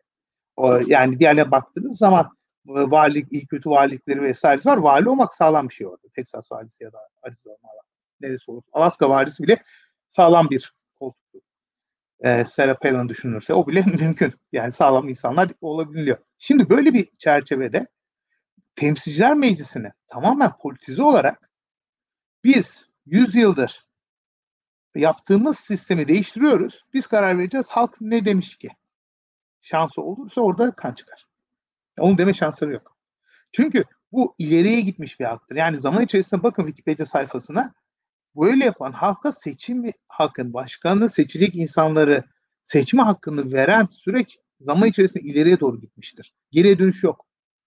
Bu geriye dönüştür. Gerçek anlamda. Haklardan geriye dönüştür ve şimdi bunu da Cumhuriyetçilerin isteyeceğini varsayıyoruz. Cumhuriyetçiler neredeyse evlerinde silah bulundurma hakkını ifade özgürlüğüyle eşleştirmiş insanlar. Yani silah benim ifade özgürlüğümdür. Dolayısıyla ben seni vurabilirim. Bu özgürlüğümü geri alamazsın. İfade özgürlüğü. Bu kadar tırnak içinde bir özgürlük saplantısı olan bir seçmene gidip derdinizi anlatacaksın. Abi ya pardon siz oy verdiniz ama biz de geri alıyoruz. Bu dediğiniz anda kan çıkar. Çünkü burada şöyle bir şey var. Ee, bunun altını unutalım, e, unutmayalım. Trump hala ve hala Cumhuriyetçi Parti'ye yabancı bir insan. Bir demokrattı. Geçelim. Yani gençliğinde demokrattı. Olur herkes gençliğinde bazı hatalar yaptığı diyelim. New York Cumhuriyetçisi New York Cumhuriyetçisi zaten yarı demokrat. Bunu herkes biliyor. Değerler, dünyaya bakış açısı açısından. Yabancı. Yani demok e, adayı ol olacaklar salak değilim demiş bir insandan bahsediyoruz. Ve partiyi son e, 4 senede devraldı. Yani parti kontrolü altına aldı. E, bu azil, yanlış tercüme. Azil oylamasında yanlış bilmiyorsam 4 kişi aleyhinde oy kullanabildi. Bu kadar bahsettiğim senatörleri Temsilciler Meclisi'ndeki insanları hepsini e, kendi çizgisine sokabildi. Niye? Çünkü dediğim sebepten yani e, radikal hareketler olduğu zaman muhtedil gidemezsiniz. Radikal hareketlere radikal yanıt vermeniz gerekiyor. Adam da radikal. Yani sayesinde şu anda e, Cumhuriyetçi Parti'de bir Tea Parti'de bir oluşuma bahsetmiyoruz. Bitti. Çünkü Tea Parti'den daha radikal bu adam baktığınız zaman. Yani her konuda. Dolayısıyla Cumhuriyetçi Parti onun partisi değil. Cumhuriyetçi Parti içerisinden gelmiş insanlar vardır. Bush ailesi. Yani baktığınız zaman valilikleri üç tane dört tane valiliği var ailenin.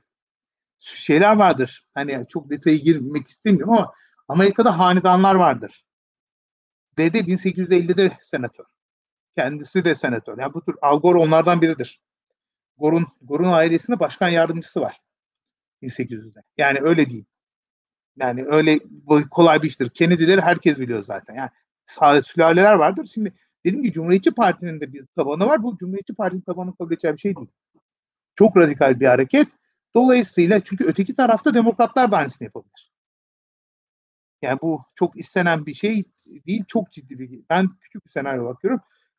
Seçim meşruiyetini gölgelendirme. Ee, ve bu da bir sonraki seçimle alakalı. Şimdi Trump kazansın ya da kazanmasın. Trump kazanırsa bir sonrakinin aday değil. Kay, kaybetse yine aday değil. Kolay bir iş değil. O 2024'te Cumhuriyetçi Parti'nin adayı kim olacak? Mesele bu. Siz bir önceki seçimin çalındığına ikna ederseniz seçmeninizi yolsuzluklarla götürüldüğünü düşünürseniz o zaman zaten profil oluşturmaya başlıyorsunuz. Yani onu o şekilde yorumlamak lazım. Bir sonraki yani kaybettik ama e, şey yapmayalım. Erkekliği de yedirmeyelim şeklinde bir yaklaşım olarak görüyorum ben açıkçası. E, peki şunu soracağım hemen bu ihtimalden bahsettiniz. Trump kazanırsa sizce e, ikinci dönem başkanlığı nasıl olacak? E, ve Biden kaybederse Demokrat Parti'de o bahsettiğimiz müesses nizam Clinton'ın kay kaybedişi yıkılmadı. E, aksine ön seçimlerde Bernie Sanders oy kaybetti. Sizce artık müesses nizam etkisini kaybedecek mi? Şimdi şöyle, ee, ne olacak? Bunu genelde şöyle bir şaka yapılır. Birinci başkanlıkta siyasetçi, ikinci başkanlıkta devlet adamı denir. Yani çünkü ikinci başkanlıkta seçim şeyi olmadığı için, kaygısı olmadığı için daha az popülist e, adımlar atılır ama benim böyle beklentim yok. Bir devlet adamlığı geçiyor olmaz. Onu Türkiye'de kullandığımız ölmüş siyasetçiye devlet adamı derler esprisiyle devam ettirmek lazım. Trump'tan öyle bir devlet adamlığı geçiş beklemiyoruz. Yani e, dolayısıyla yine partiyi kişiselleştirmek, yani yarın öbür gün damat aday olabilir, niye olmasın? Yani kız aday olabilir, niye olmasın? Yani bütün parti şahsına e, ait hale getirmek, e, o da cumhuriyetçilerin şeydi yani. Acizi diyelim, koskocaman yani Jefferson kurduğu partiden bahsediyoruz. Basit bir örgüt değil orası. Lincoln, Lincoln'un partisi yani orası. Kaptırmamak gerekiyor partiye ama kapabilir. Bir olasılık bu ben tarzında bir değişiklik beklemiyorum. Gerçekten hani benim res, şeyde benim de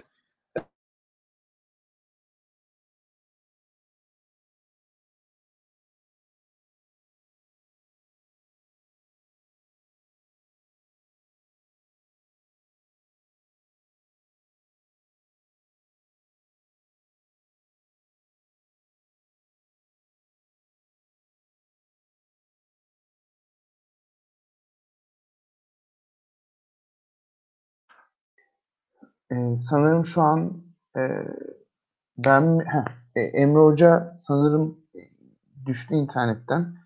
E, hemen yazıyorum kendisine.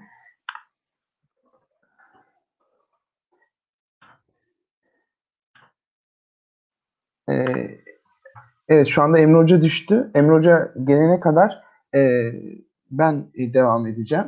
E, bugün e, Emre Hoca ile Amerikan seçimlerini konuşuyoruz. E, şu en son aşamada Trump'ın kazanma ihtimali de Cumhuriyetçi Parti'nin e, ne konumda olacağını düşündük ve 2024 seçim ihtimallerinden e, bahsettik. E, Emre Hoca da Ivanka Trump'ın ve özellikle e, damadının, oğlunun e, 2024 adaylıklarından bahsediyordu.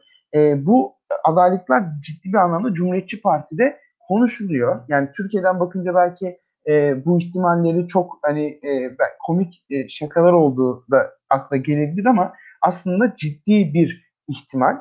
E, özellikle Ivanka Trump'ın doğum günü kutlanmıştı mesela. Cumhuriyetçi Parti. Emre Hocam hoş geldiniz.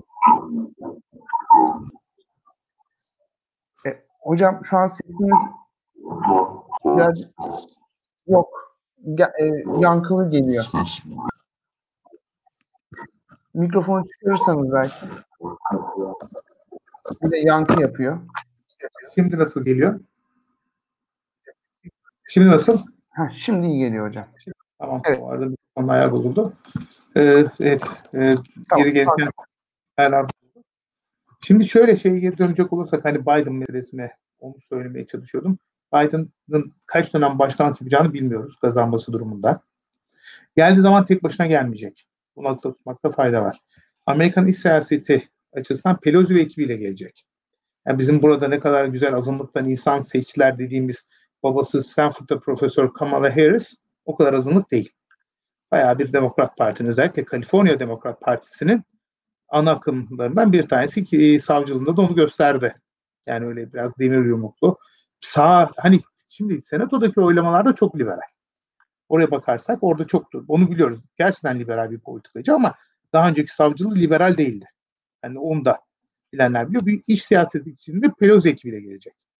Ama bir de hükümü, ülke yönetirken kimlerle beraber olacak? Obama ekibi değil, Clinton ekibi. Beraber çalışan insanlar. Yani Obama ekibi zaten hani çok kalabalık bir ekip değildi. E, Ram Emanuel e, şeye gitti, Chicago'ya gitti, diğerleri emekli oldu vesaire. E, o ekip yok. Kim var? E, Clinton ekibi var. Dış politikada işte bizim ben çok haz etmeyen Podestolar başta olmak üzere Türkiye'den haz etmeyen bir ekibin dahil olduğu bir şeyle beraber hükmedecek. Ne yapacak ve ne yapması lazım? Şimdi diyelim hani e, Biden neler yapmalı benim baktığım açımdan hani ne yapsa iyi olur Amerika için dünyayı geçtim.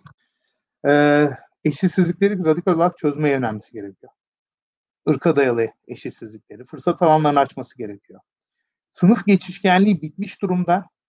Gerçekten bitmiş durumda. Burada Brookings'in güzel raporları var. Sınıf atlama bitmiş durumda eğitim yoluyla. Yani dona kalmış bir toplumdan bahsediyoruz. Onu yeniden açması gerekiyor. Öğrenci borçları işte e, Elizabeth Warren'ın sürekli bahsettiği inanılmaz bir şeyle yüke dönüşmüş durumda. Paris Anlaşması sorunu var. E, çevre sorunları var. E, göçmenlerin entegrasyonu var. Onları doğru düzgün entegre etme, o duvarı indirme gibi bir sürü öncelik üzerine öncelik var. Kamu harcamanı arttırma, yani işte sübvansiyonları arttırma, e, okullarda yemekten bahsetme. Yani o kadar çok şey var ki yani ne bulacağını hemen hemen herkes iyi kötü biliyor. Peki yapacaklar mesela. Şimdi Obama seçildikten iki ay sonra Nobel Barış Ödülü verdiler kendisine. Daha sonra da barışla ilgili herhangi bir şeysi olmadı merkez demokratlarla hani insanların sorunu olması bu. Yani Clinton'a da bakın. Daha sonra e, Obama'ya da bakın ki sağlık reformunu kenara bırakıyorum o gerçek bir başarıdır. Bu sorunlarla uğraşmadılar ki seçildikleri zaman. Mesele bu. Yani orada geçen bir araya geldiğimizde bahsetmiştim. Büyük Gerileme kitabında Nancy Fraser'ın dediği bir şey var. Anlamsız bir popülizmle içi boş bir ilericilikten çıkarmak lazım kimlik siyasetine yaslanan içi boş bir ilericilik olarak tanımlıyor Obamaların politikasını. Yani biz Obama'yı çok sevdiğimiz için nedense Türkiye'de onu eleştirmiyoruz ama bence eleştirilmesi çok gereken, gereken yeri var. Amerika Birleşik Devletleri açısından bahsediyorum. Yani şey açısından. Özellikle bu restorasyon döneminde yani koronavirüs sonrasında o tür bir e, hani örnekte yok ki iyi bir başkanlık örneği sergilemek çok mantıklı, iyi bir tercih olabilir. Ama yapabilecek mi? Sanmıyorum çünkü onun etrafında kendi çıkarlarını maksimize etmeye çalışan insanlar var. Bir kere yani Kamala Harris inanılmaz bir tercih. Çünkü başına bir şey gelirse hem etnik kökenli hem de kadın bir başkan olacak. İlginç bir tercih. Ama Pelosi muhtemelen onu kontrol edeceğini düşünüyor. Yani Pelosi ekibinden olduğu için kontrol dışı olacağını zannetmiyor. Çok aşırı radikallik yapacağını zannetmiyorum. Ve iyi de bir tedbir aslında radikallere karşı. Yani ben bunu geçen sefer de söyledim bilmiyorum. Yani Demokrat Parti'nin duruşunu şöyle anlatalım. Ee, Obama 2004 konvansiyonunda 14 dakika konuşmuştu. Büyük bir şeydi konvansiyon. Başkan adayının seçildiği konvansiyonda tam 14 dakika. Ee, Ocasio-Cortez bu konvansiyonda bir dakika konuştu. O da Sanders kontenjanında. Şimdi merkez demokratların yeni fikirlere ne kadar açık olduğunu görüyoruz. Yani yeni fikirlere, yeni insanlara vesaire. Dolayısıyla orada çok umutlu değilim. Yani en azından Amerikan politikası açısından yapılacak şeyler biliniyor, yapılma yöntemleri biliniyor. Yapılabilir ve çok da iyi olur yapılsa. Ama yapılacak iradenin bu demokrat ekipten çıkmasını ben mucize olarak görüyorum. Ya zaten demokratlarla ilgili sorun da bu çıkmayacaktır.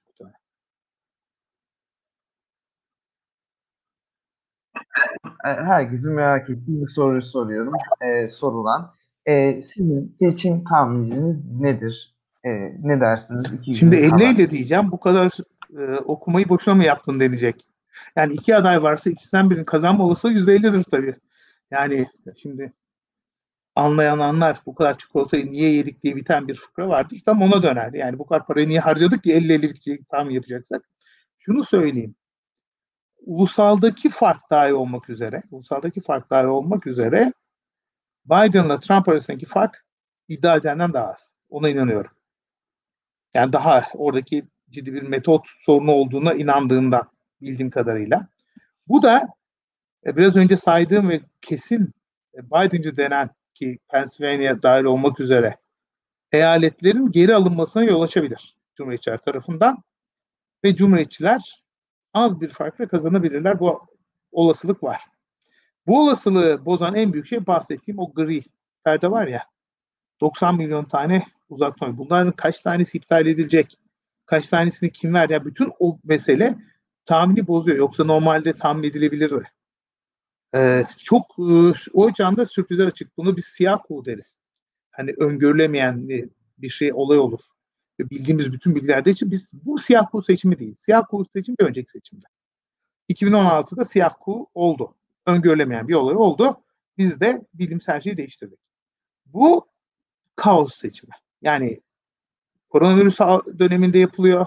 Adaylar malum genci 70 küsur yaşında e, insanların, seçmenlerin hali malum bir de bunun üzerine ilk defa denenen bir yöntemi koyduğunuzda tam bir kaosa dönüşüyor. Hani o yüzden de dediğim gibi herkes bangır bangır Biden kazanacak dese de pek inanılmamasını tavsiye ediyorum. Ee, öteki tarafın kazanma olasılığını küçümsemek lazım.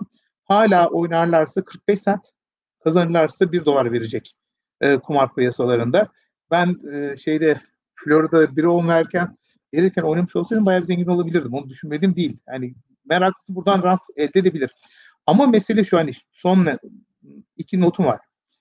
Ee, Amerika Birleşik Devletleri'nde şu anda çok daha fazla kişinin ve ülkemizden anketlere baktığına şahit oluyorum. Şu anda anketlere bakılmaması gereken dönem. Tam bir kaostayız. Yani bu 5 ay önce, 4 ay önce, 3 ay önce bakın trend nereye gidiyor diye. Ama bugün bakılmaz kavga kıyamet. Yani yöntem diye bir şey kalmamış durumda. Veri nasıl toplanıyor, nasıl analiz ediliyor hiçbir şey bilmiyoruz. O yüzden anketlere bakma zamanı bitti. Bu birincisi. İkincisi siyaset bilimci olarak ve işte uzun bir süredir de bu işlerle ilgili olarak e, çalışan bir insan olarak şunu söyleyeyim. Çok heyecan vericidir anket yoluyla seçim tahmini yapmak ama anketleri seçim tahmini yapmak için yapmayız. Yani bu seçmen dinamiklerini anlamak, seçmen segmentlerini görmek, hangi adayın hangi açıdan daha e, iyi olduğunu anlamak, stratejiyi geliştirmek, söylemi geliştirmek, söylemin geri beslemesini almak için yapılan anket. Yani seçim günü yapılan anketin ya da seçimden bir gün önce yapılan anketin hiçbir manası yok. 24 saat sonra öğreniyorsun sonucu Türkiye'de. Ne gerek var ki? Yani he, heyecanlıdır. Yaptım. Çok keyif verici. Hiçbir şey söylemiyorum ama iş bu değil.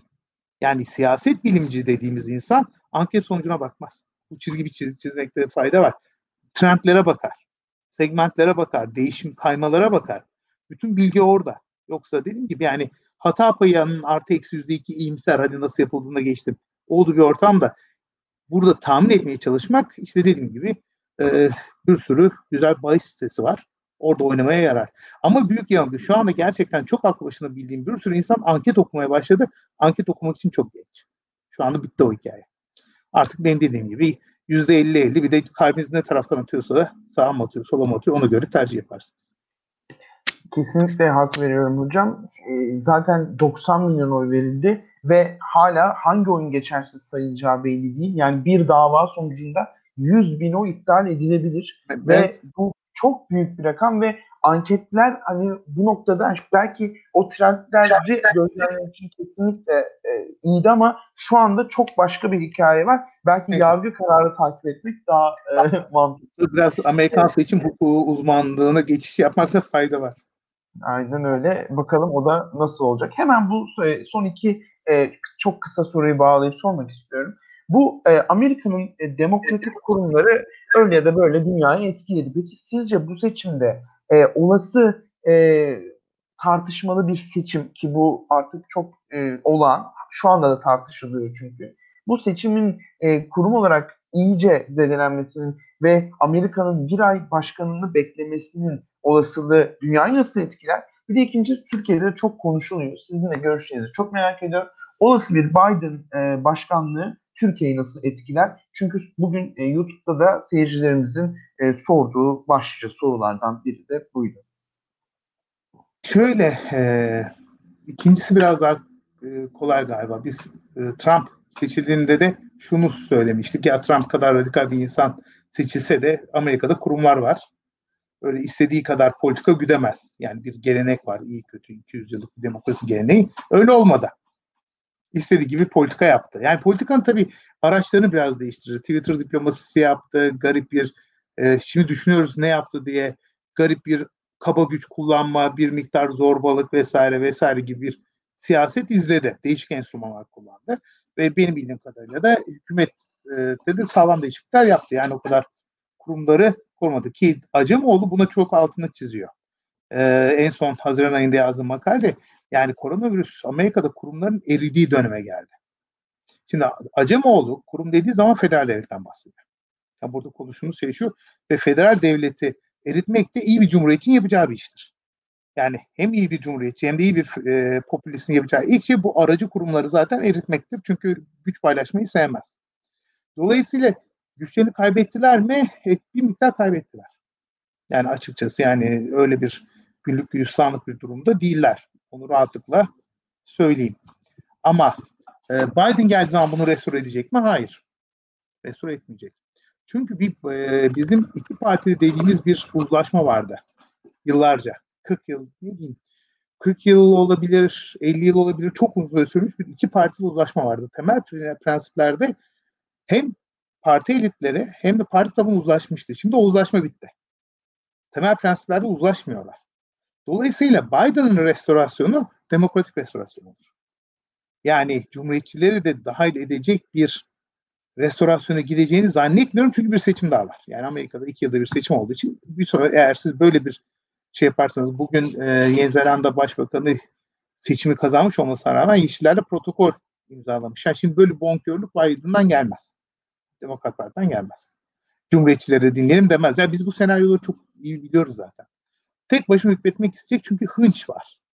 Yani hınçla beraber o bütün o pozisyonlar kendi tarafı taraftarlarına verilecek. Yetkin olup olmasına bakılmadan bu bilinen bir şeydir. Amerika'da da gelenektir. Tanımlanmıştır hangi pozisyonların siyasi pozisyon olduğu.